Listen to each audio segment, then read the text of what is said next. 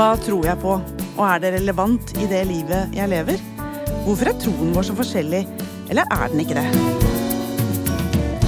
Sammen med hovedpastor Jarle Valdemar og en ny gjest skal vi samtale om temaer som preger både troen vår og livet vi lever. Velkommen til podkasten fra Filadelfia-kirken Drammen. Du hører på Troen og livet, og jeg heter Gunhilde Brun Pedersen.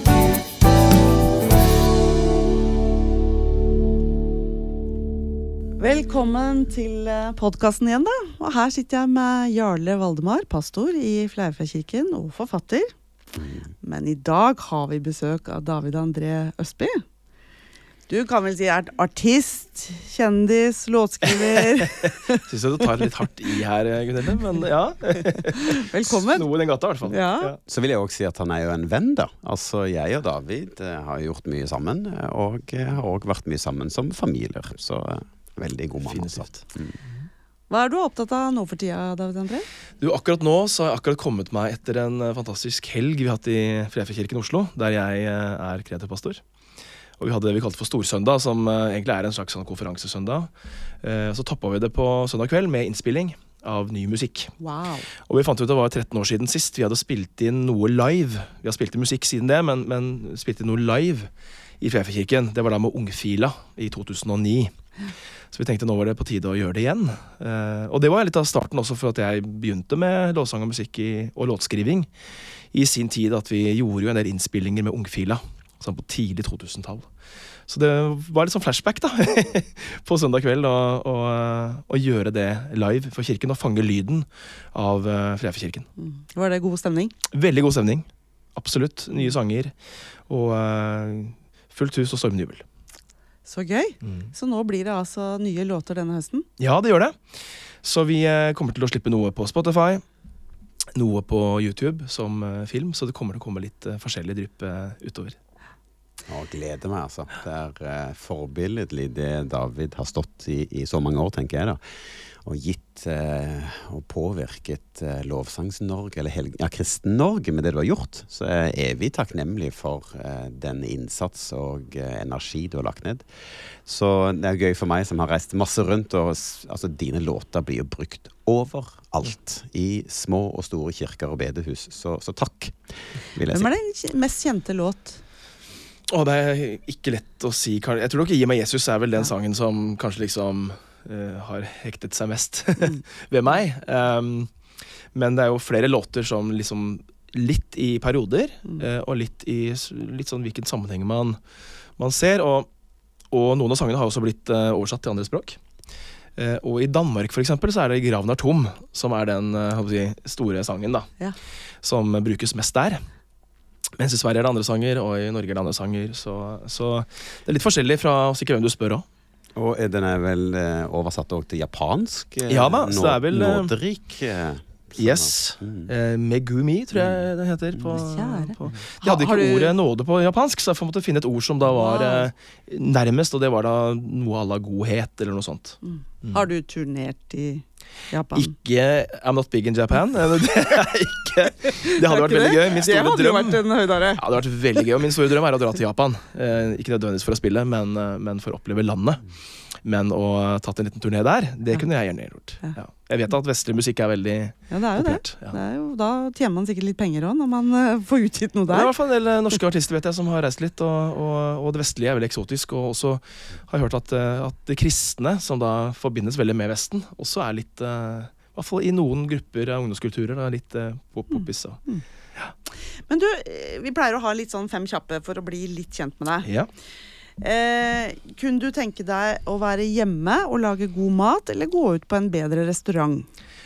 Oi, det var et vanskelig spørsmål. Jeg er jo egentlig en person som liker meg hjemme, og så liker jeg å lage mat. Mm. Og så vil nok min kone si at jeg er, eh, er forholdsvis god på det. Det har ikke jeg sagt selv, men det Vi har så- hørt rykter. ja, jeg elsker jo en god restaurant, men ah, hva skal jeg si? Ja? Jeg er så hjemmekjær, så vi sier hjemme. Ok. Eh, hyttetur på fjellet eller storbytur? Storby. Ja, det liker du best. Hva med, hva med deg, Jarle? Altså, jeg liker veldig godt å gå i fjellet, da.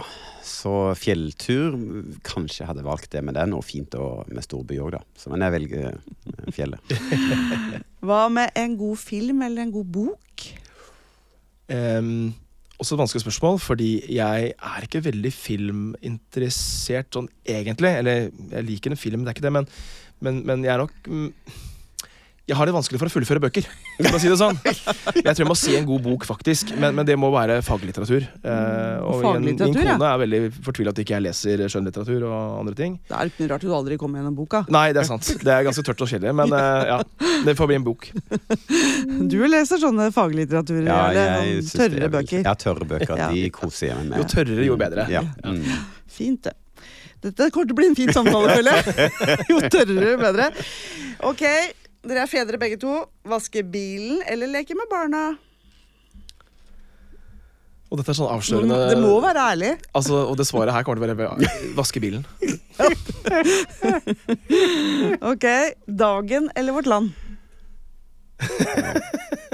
Og nå blir det kirkepolitiske ting. Ja, det er veldig vanskelig. De har sine styrker og svakheter, begge. Eh, Jeg har jobbet i, jobbet i KS da, som redaktør, eh, og nå er jo KS eh, i lag med Dagen. Så får det bli Dagen. Blir dagen. Ok. David André Østby, du har jo gitt ut mange låter. Og vi nevnte Gi meg Jesus. Du har uh, All Because of Jesus. 1,4 millioner strømninger på Spotify i over 100 land. Du har samarbeida med mange artister, annet Jarle. Skriver låter sammen med flere. Og eh, gjort ganske stort to låter som du har oversatt. eh, eh, you Say, eller Du sier, Mm. og For så langt. Liker du å være populær? Nei, det er jo ikke noe jeg har søkt. og som eh, barna mine mener at jeg er, er veldig populær i et veldig lite miljø. Eh, så det er vel litt sånn Det er vel ikke så veldig all, Jeg er vel ikke allmenn kjent, nei. Men uh, nei, det har jo begynt med at jeg har uh, hatt en, en lidenskap for musikk, da. Mm.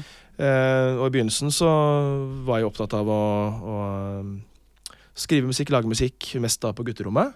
Tenkte vel aldri at jeg kom til å spille i noe band eller kom til å få denne musikken ut, men så var det jo en periode som som jeg nevnte i stad, når, når vi begynte å gi ut musikk med Ungfila. Og min ungdomspastor da, Kristoffer Svartdal, sa at han hadde hørt jeg hadde skrevet noen låter, og lurte på om han kunne høre de. Eh, og det var måte starten på at noe av min, eh, min musikk kom ut. Eh, og skrev noen låter for da Ungfila. All Because of You, da, blant annet. eh, som eh, utrolig nok fortsatt er en litt sånn eh, Hvis jeg drar den på en, en konsert, eller noe sånt, så er det fortsatt god stemning. Ja. Også blant de som faktisk ikke var født engang når den kom. Så gøy. Og da kjenner jeg meg litt gammel, da. Men, eh, men, eh, men det var jo starten på noe. det er noe. jo at du har jo satt spor. Det er jo det jeg tenker at eh, selv om man ikke man har hatt en bevisst strategi om suksess, så har du likevel satt spor etter deg som, som gjør at du får innflytelse. Eh, og jeg tenker at det er jo en, en viktig side å løfte opp. eh, at man kanskje ønsker å påvirke, ønsker å inspirere, men ikke nødvendigvis ha suksess. Absolutt. Og så er det en sånn biprodukt. Jeg vet at det er jo Nå så er det jo mange artister som jeg hører om, som helst ikke vil identifiseres. Så mange nyere popartister stiller opp med hetter og, og masker, ikke sant. Mm, mm. Eh, For man vil gjerne få musikken ut, eh, men man vil ikke bli gjenkjent selv. Så Vil kan det- det være på godt og vondt da, i den sammenheng. Ja. Men vil det si at det er en påkjenning å være en frontfigur? Eh, jeg vil ikke si at det har vært det. Eh, og jeg har ikke hatt noe stort rush av liksom, eh, ubehageligheter med sånne ting. Altså. Jeg har ikke det. Sikkert vært verre for deg, Jarle, som har vært også kjent blant barn. Som sikkert har oppsøkt deg kanskje i enda større grad når de har møtt deg rundt omkring. Jo, jeg syns det har vært veldig koselig. Fordi at man, man har en rolle. Altså man er et forbilde der man er. Og det å på en måte gi et gjensvar, eh, at når man blir gjenkjent, eller kom, barn kommer løpende bort, eller foreldre også kan komme bort og si takk for det du gjør og sånn, så er det hyggelig, syns jeg. Eh, fordi at man har jo brukt mye tid og krefter på å mm, gjøre det man har gjort, da.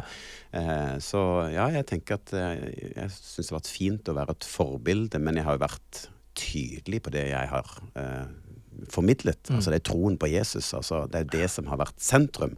Og så lenge det er sentrum, så tenker jeg at da gjør det ikke noe om man på en måte er et forbilde. Jeg husker jo mine barn møtte Jarle første gang, og de holdt liksom på dette stolen, ikke sant? for at der sto Jarle. Det var på toppen en gang. Eh, og hvordan du møtte barna mine da, det var jo utrolig inspirerende å se at ja, men det å være kjent, det å være synlig, um, det er ikke bare noe negativt. Nei, det er noe man kan bruke til noe veldig godt. Så har nok jeg vokst opp i en, en, en familie der pappa har vært pastor hele sitt liv, og predikant, og, og sånn sett vært en litt offentlig eh, figur. Så jeg har nok vokst opp med en bevissthet rundt at vi som familie har et ansvar for å være for, forbilder. Og det vil jeg trekke fram som viktig. Eh, Det ser jeg er en Eh, og det gjelder ikke liksom om du er kjent eller ikke, men at vi alle er forbilder for noen. Og det har jeg vært veldig bevisst på i mitt liv. Jeg forsøker liksom å praktisere det om jeg er på bensinstasjon eller på Rimi Nei, Rimi heter det ikke lenger. det var min, min oppvekst. Rema eller Kiwi. Eh, prøve å være den samme eh, overalt og med hvem eh, og de jeg møter. Ja, hvordan er du det bevisste? Nei, jeg, jeg har nok liksom fått det med meg, nok litt miljøskada fra oppveksten, men jeg tror det er en bra ting å vite at, eller tenke på at uansett hvor jeg er, så er det noen som kan kjenne meg igjen, og det er det ofte. jeg møter kjentfolk på de utroligste steder. Eh, så jeg blir gjenkjent. Jeg blir, eh, blir uh, kobla mot den sammenhengen jeg står i, på de utroligste steder. Og Derfor så må jeg være veldig bevisst på at det jeg sier, det jeg gjør. Og Det har nok preget måten jeg tenker på, valgene jeg tar, eh, i veldig stor grad. Jeg tror at mange kunne ha godt av å kanskje tenke litt mer noen ganger på det, uten at man skal gå rundt og være redd for hva folk tenker og sier hele tiden. Selvfølgelig, for det er en balanse. Ja, vi er jo Jesu representanter her på jord, så jeg tenker at uh, om man er synlig eller ei, altså det er noe med at vi er uh, forbilder for den troen som vi bærer med oss, og at troen da kan bli synlig gjennom det daglige. Så, tenker jeg er uh, viktig for oss. Men kan dere da aldri vise at dere er svake? Aldri at dere har en dårlig dag? Aldri få lov å være sure? Ja, selvkontroll, selvdisiplin, tenker jeg òg. Klart det er lov å ha en dårlig dag, men, men klart hvis det på en måte gjennomsyrer alt du gjør, og du gidder ikke ta det sammen, så tenker jeg ah, skjerp deg, da, tenker jeg. Altså, men selvsagt, det er lov, det er lov å, å, kjenne på at dagen er tung eller man er i en periode eh, hvor ting er, er krevende. Eh, men så tenker jeg at der hvor det er mørkt, er det òg noen lysglimt. Så det å på en måte holde fast til de små lysglimtene i det vanskelige er òg en viktig øvelse. Ja. Mm. Men David, du, du sa jo i et Vårt Land-intervju for ikke så veldig lenge siden at du er perfeksjonist og ønsker å levere bra, og samtidig er en person som vil bli godt likt. Mm. Følelsen av å ikke strekke til og skuffe manske, mange mennesker kan være en grunn til at du opplevde at uh, du Mm. blei veldig sliten og Mm. følte at det å stå og synge i en periode var nesten ikke noe du mente, Mm. og måtte mm, melde litt pass. Ja. ja, og det er jo det vi snakker om dette med liksom For det er et aspekt i dette uh, av en synlighet uh, som gjør at vi blir hele tiden evaluert. Mm.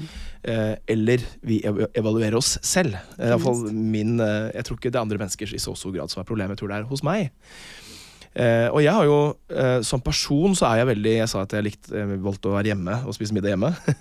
Fordi egentlig så er jeg en sånn hjemmesitter som egentlig trives best alene.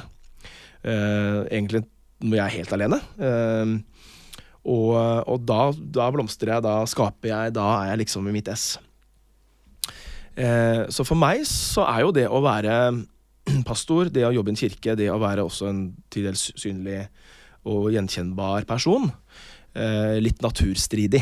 Så jeg føler på en måte at Gud har gitt meg et slags eh, oppdrag å kalle livet, som ikke er helt i tråd med eh, akkurat sånn jeg er sveisa sammen.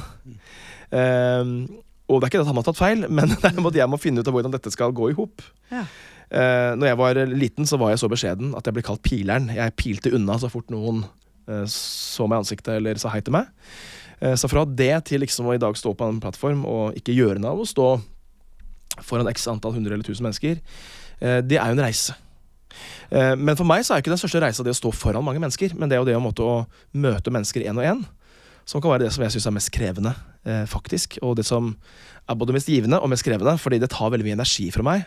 Veldig glad i mennesker, veldig glad i å snakke med mennesker, glad i å oppleve at jeg kan bety noe for mennesker. Men jeg trenger å trekke meg tilbake. da. Så etter eh, ofte tre gudstjenester som vi har i Flefjordkirken på rad, så kjenner jeg at når klokka er eh, ti på kvelden, da er jeg ganske ferdig. Eh, Det vil sikkert de fleste være.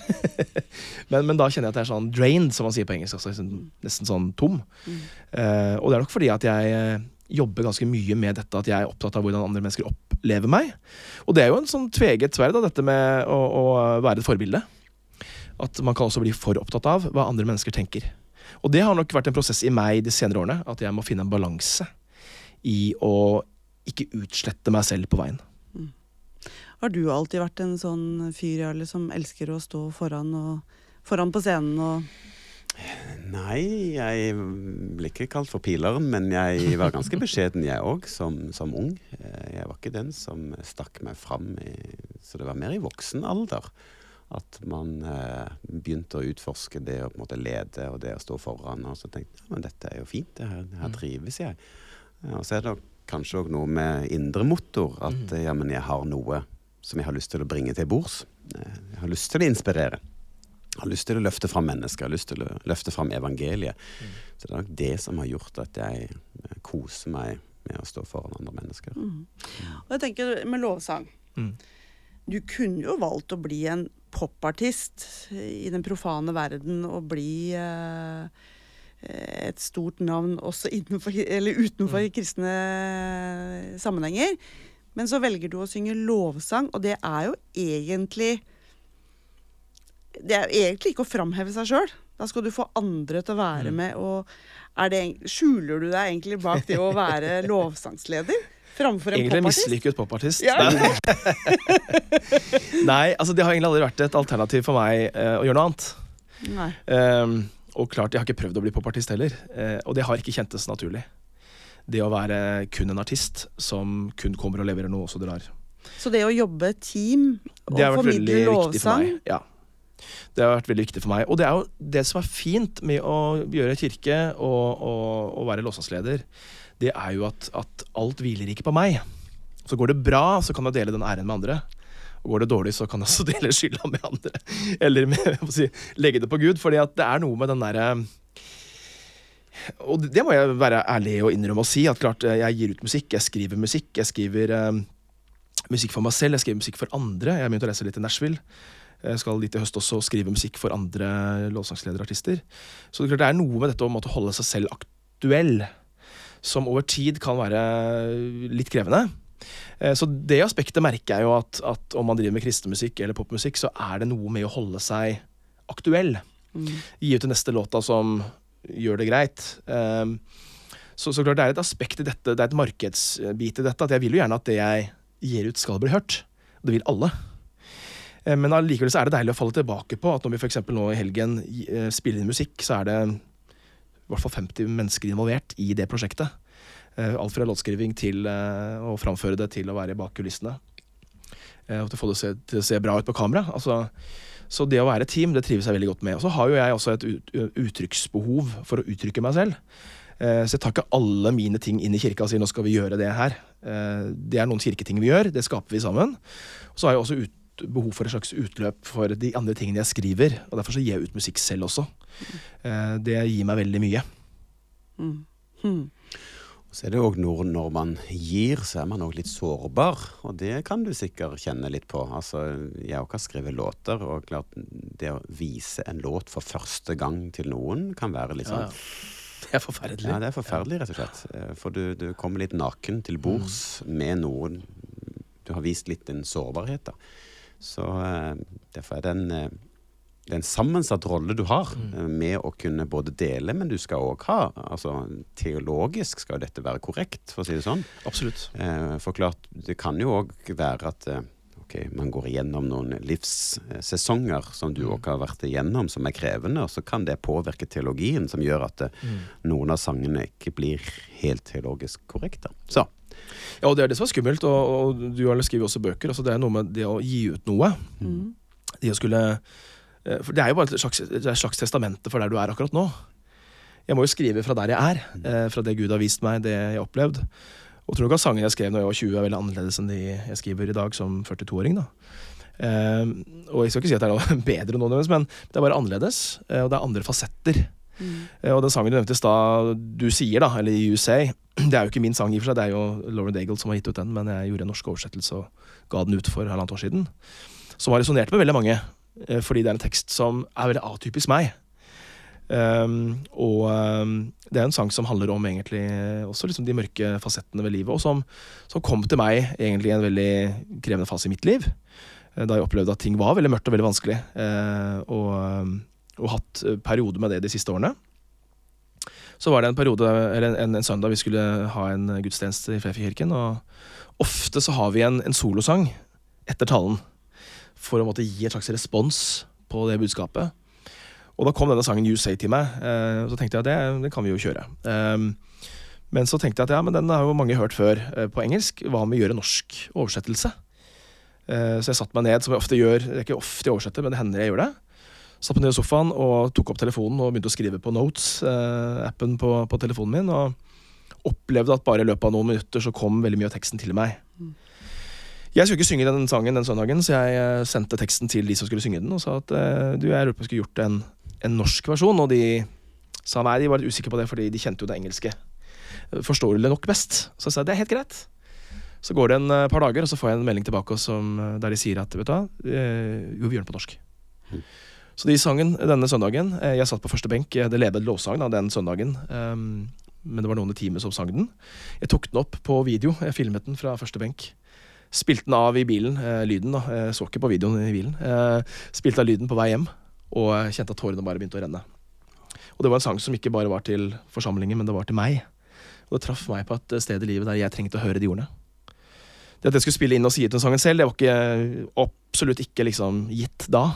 Det tok et år før jeg gjorde det, men, eh, men for meg så ble det en sang som satt ord på noen sånn dypere ting i livet. da, eh, Og at jeg som lovsangsleder, som ofte leder folk inn i sånn store bekjennelser av hvem Gud er, og hans godhet, og det er mye halleluja, Um, kunne også formidle en sang som handlet om at Gud også er der når eh, kanskje smerte da, er alt jeg har å bringe han. Og jeg tror at det har kanskje vært litt sånn for meg den, den modningen som vi snakker om, da, i troen også, at hvis du leser i Bibelen, så er det jo ikke bare lovsanger, det er ikke bare halleluja, det er like mye klage. Eh, og for meg så var det viktig å sette ord på den klagen og finne et språk for det.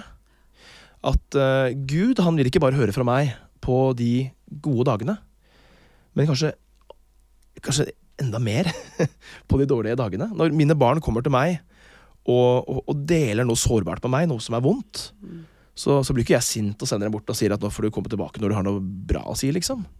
Kom med gode nyheter. Nei, da sier jeg tusen takk for at du delte dette med meg akkurat nå.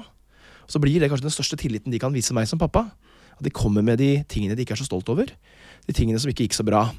Og sånn tenker jeg litt med Gud. da, da. Eh, At han, eh, han vil heller at vi kommer med de dårlige tingene, enn at ikke vi kommer til han i det hele tatt. Men kjære deg, David André. Dette føler jeg jo er akkurat det som mange kritiserer lovsang for. For det er ofte veldig sånn henda i været, og vi lovsynger, og det er en stor gud, og alt er så fantastisk, og glem Når du kommer inn i kirken, så skal du glemme hverdagen, og nå skal vi være innenfor Gud og prise Han, og så Ja. Men vi sliter jo alle med hver våre ting. Hvorfor, hvorfor er ikke lovsang mer klagesanger? Mer det at vi kan komme med livet sånn som det er? Mm. Altså, helt enig. Um, jeg tenker at um, i en gudstjeneste så, så bør det være rom for mye. Jeg er ikke sikker på om det kvarteret eller hva vi har da, i begynnelsen av gudstjeneste, er tidspunktet å gjøre det.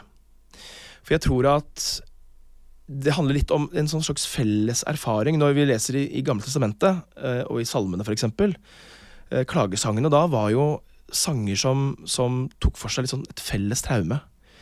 Eh, Israelsfolket gikk gjennom dette, de hadde en fiende, og da klaget man, og da var det noe som var gjenkjennbart. Ikke både individet, men også i kollektivet. Eh, Covid ble en sånn type felles traume for oss, da, eh, da vi faktisk kunne klage over de samme tingene. Men jeg tror at vi kommer inn i et rom fra så mange forskjellige steder. Og jeg tror at tilbedelsen av Gud, opphøyelsen av hvem han er, hans karaktertrekk alltid vil være det viktigste, tror jeg, for en gudstjeneste. Men så er det et punkt i gudstjenesten der man kan også ha rom for klagen, for synsbekjennelsen, for ettertanken, for eh, kontemplasjonen, eh, for sanger, da, som du sier. Du sier det er ikke en sang vi begynner gudstjenesten med i Fleifjordkirken i Oslo. Eh, det kunne vi kanskje gjort, altså, men, men det er kanskje ikke bare en klagesang i og for seg. Det vil jeg ikke si det er. Men, men, men det er noe med å begynne på et sted der vi, der vi favner bredt og sier at, at Gud, han er her. Han vil oss noe. Han er stor. Han skal vi opphøye. Og så vil vi kanskje etter hvert i gudstjenesten kunne gi rom da, for dette. Så Ja, jeg tenker at det er kanskje å, å, å tenke at alt trenger ikke å skje akkurat i lovsangsbolken. Hva tenker du, Jarle? Jeg er enig. Eh, mye godt du sier, David. Eh, Men når skal vi komme med klagene? Jo, altså Det som jeg prøver å gjøre i våre gudstjenester her i Drammen, det er å gi rom for dette i en litt annen form. Altså, jeg, Ofte bruker jeg formuleringen når jeg skal inn, starte en preken, eller om jeg leder en gudstjeneste, si at eh, du som er her i rommet, kommer kanskje med noen bagasje eh, som du bærer på. Eh, la oss sammen be for deg. Altså litt den. For jeg tenker at eh, lovsangen syns Altså eh, Veldig gode tanker, David, men, men det er, jeg tenker at lovsangen hjelper oss òg til å løfte blikket.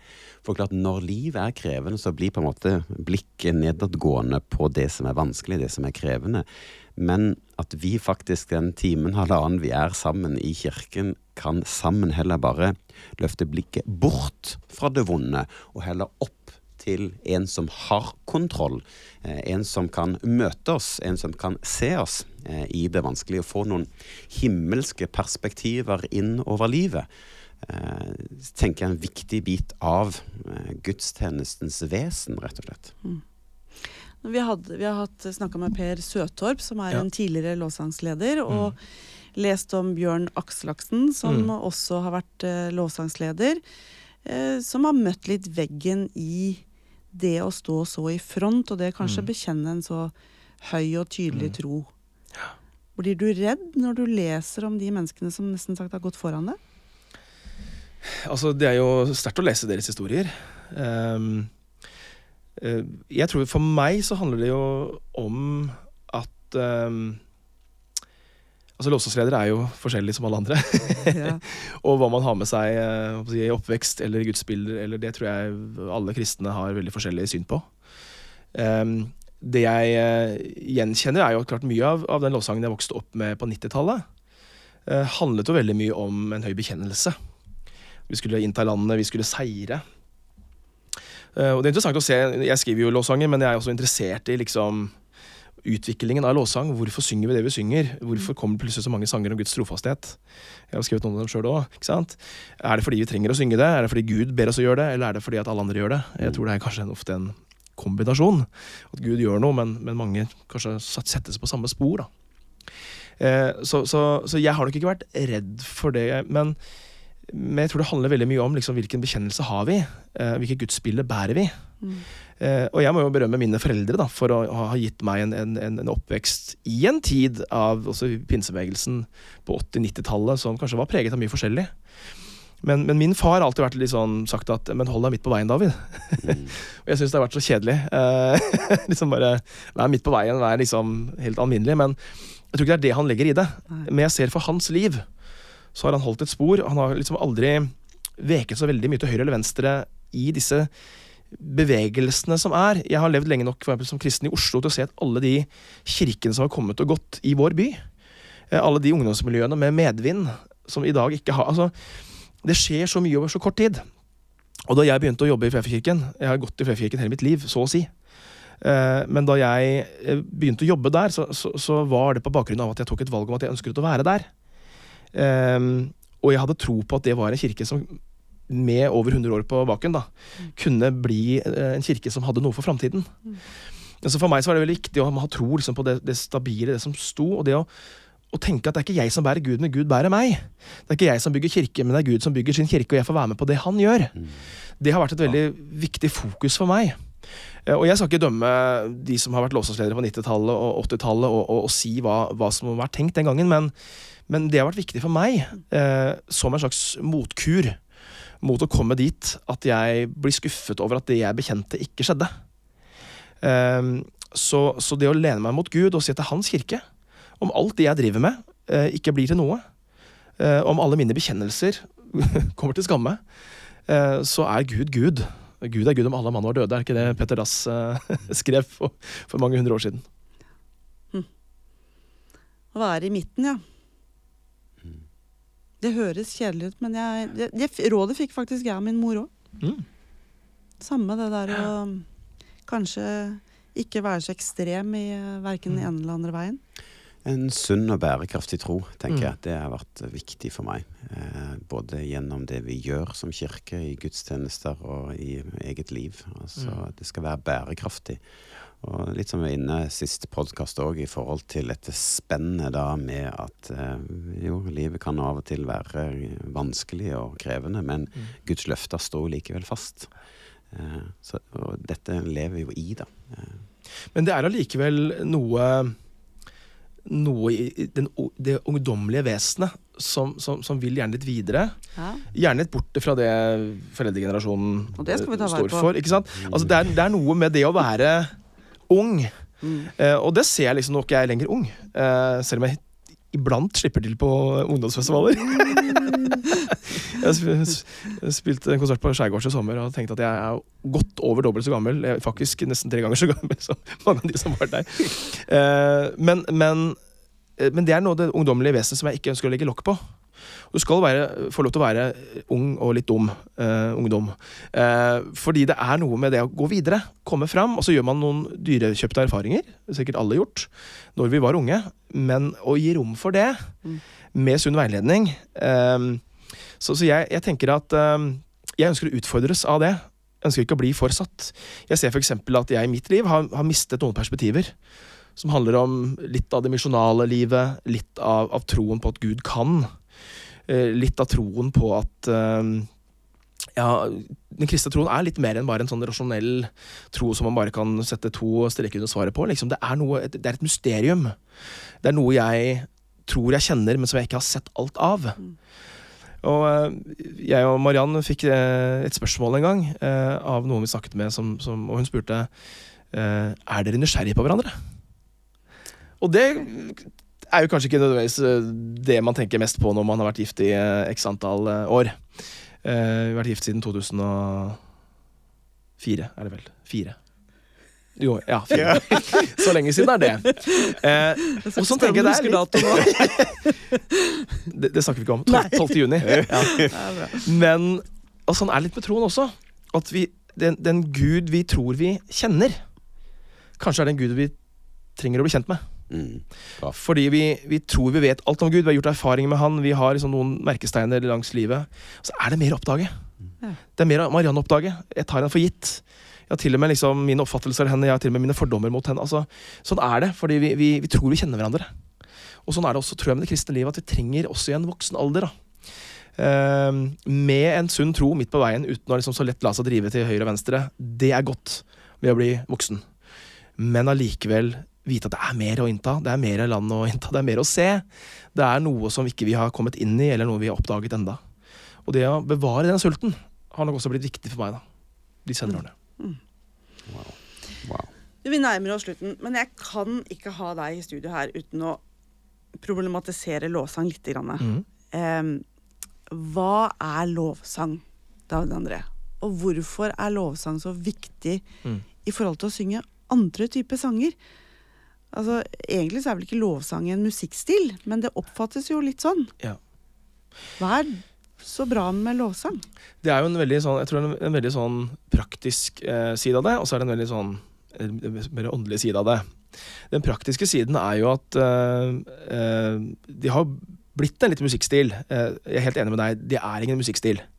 Og lovsang har jo så mange former, om man reiser rundt i verden og ser andre kirker, så, så, så er jo lovsang i alle typer former. Det er ikke bundet til en stil. Ja, men det har blitt veldig likt. Men det har blitt likt. Det er jo fordi at, eh, at vi inspirerer hverandre. Eh, det ofte er folk som er Den jevne kristne musiker og sanger er litt sånn eh, eh, midt på, liksom. At man trenger å, å spille noe som man føler man mestrer, for eksempel, da. Eh, og da er det jo mange av de enklere låtsangene kanskje noen ganger enklere å spille eh, for en musiker eller sanger. Eh, det ser jeg vel ofte at det er ofte de sangene som, som brukes mest. Blir det for avansert, så er det mange som kanskje blir litt avskrekket og tenker at dette klarer vi ikke. Vi lærer jo ikke opp, da. Gode sangere og musikere. For jeg ser jo eksempel at de musikerne vi får til Oslo nå, det er, mange av de er jo ikke lært opp i gospel eller uh, har ikke spilt i kor eller sunget i kor. Så de kommer med en helt annen bakgrunn. Så det er en sånn generasjonsskifte der. Eh, Men jeg er veldig forkjemper for at vi skal se en, et, en variasjon i det. Vi har jo i Fleifjordkirken, eh, uten at jeg skal skryte på at vi er en verdensmestere på variasjon, men vi har startet et gospelkor. Wow. Nå senest nå i vår. Eh, vi har et, et strykeensemble. Um, som jo, Vi la jo ned korps og orkester og sånn for noen år siden hos oss. Så vi forsøker å ivareta og få fram artistene, få fram de annerledes gavene. Men jeg ser at det blir jo altfor likt ofte.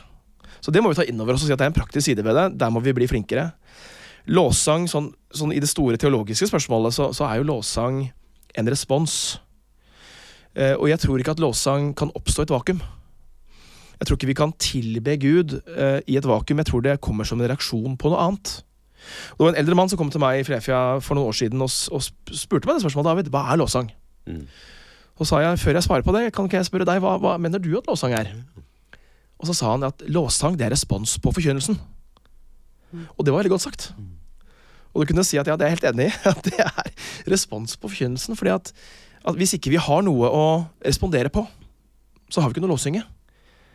Uh, og det handler om gudsbildet vårt. Men jeg vil gjerne respondere med en rockelåt, jeg. Ja. Mm. ja. ja. og da tenker jeg i formen så er det jo, Da er vi forskjellige, ikke sant? Og, og, og vi har vært hjertespråk i form. Men likt for oss alle er jo at det er en respons på noe. Ja. Mm. Uh, og at den responsen kommer i en rockelåt Du liker jo sikkert Oliver KCU og den der uh, rockebagen der. ja.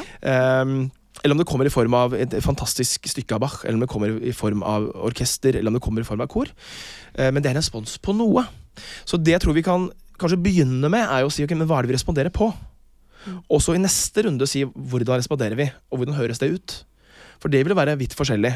Og det vil noen ganger høres ut som den, den kompetansen eller det uttrykket eller den stilen det låsangsteamet som til enhver tid står på plattformen, har. Mm.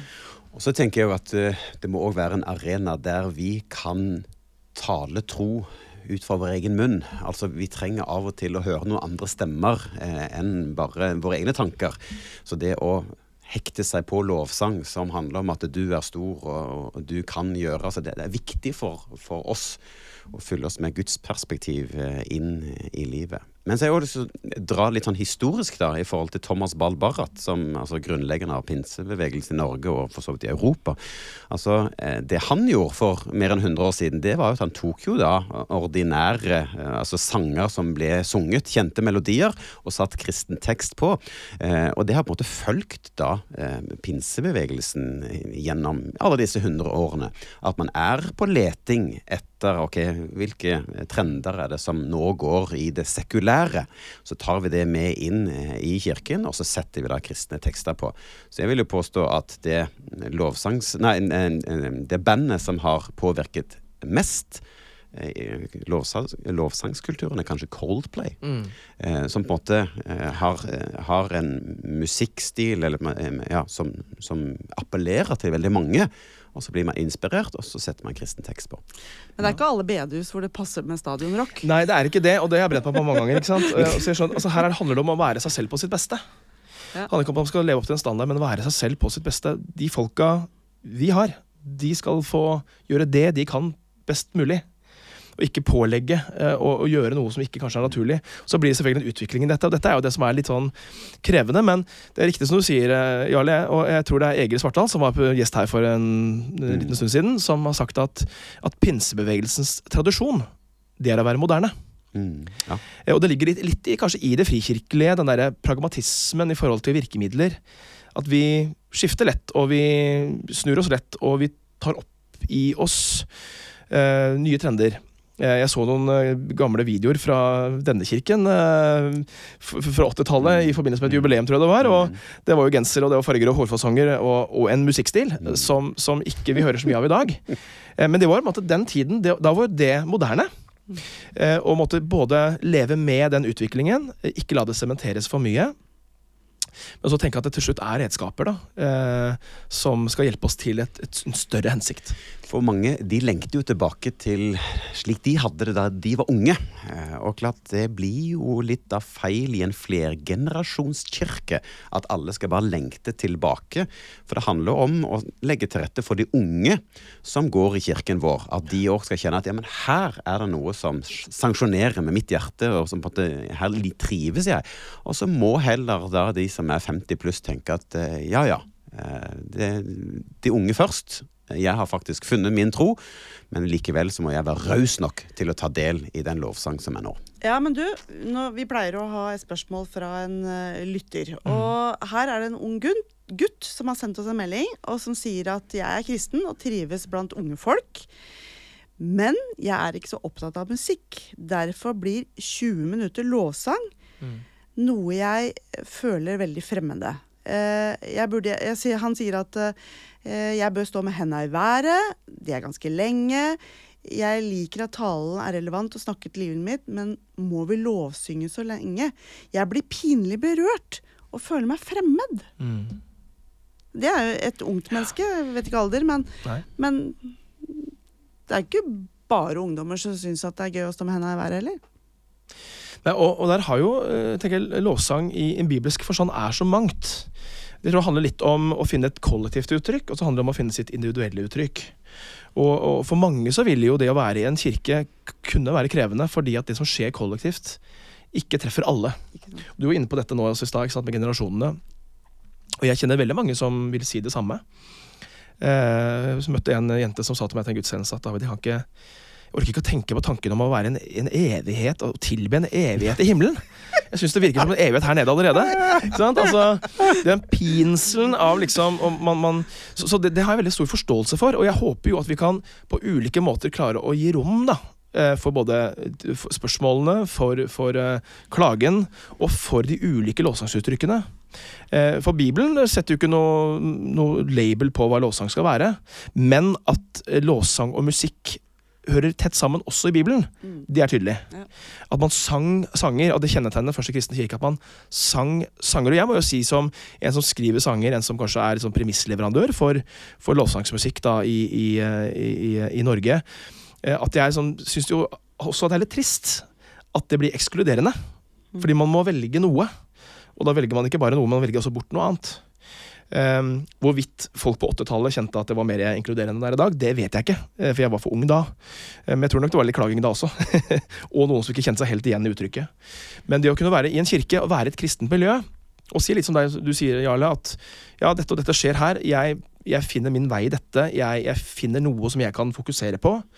Uh, jeg ønsker å ta del i tilbedelsen, finne min måte å gjøre det på.